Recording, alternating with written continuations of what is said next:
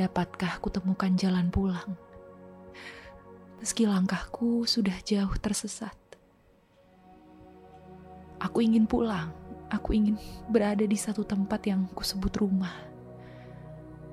Sekalipun mereka menyebutnya lubang hitam yang tidak ada habisnya, tidak ada matinya. Mampukah aku terpejam di suatu malam dengan jiwaku yang tenang, tanpa ada lagi rasa-rasa nyeri yang menghujam? Meskipun aku hanya bisa ditemani bias cahaya yang remang-remang. Apa aku sudah gila?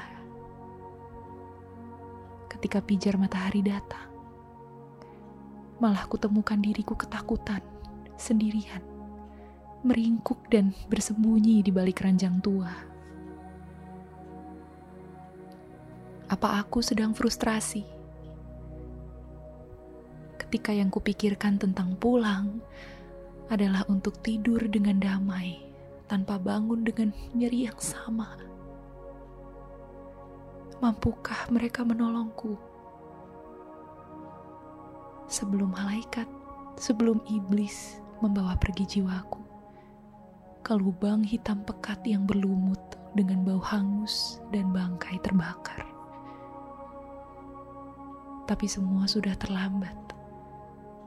Aku sudah menarik gagangnya. Wajah-wajah dengan senyum pucat kulihat di muka pintu. Mereka berpakaian serba hitam, seolah-olah bersiap untuk menghadiri pembakaran jiwaku.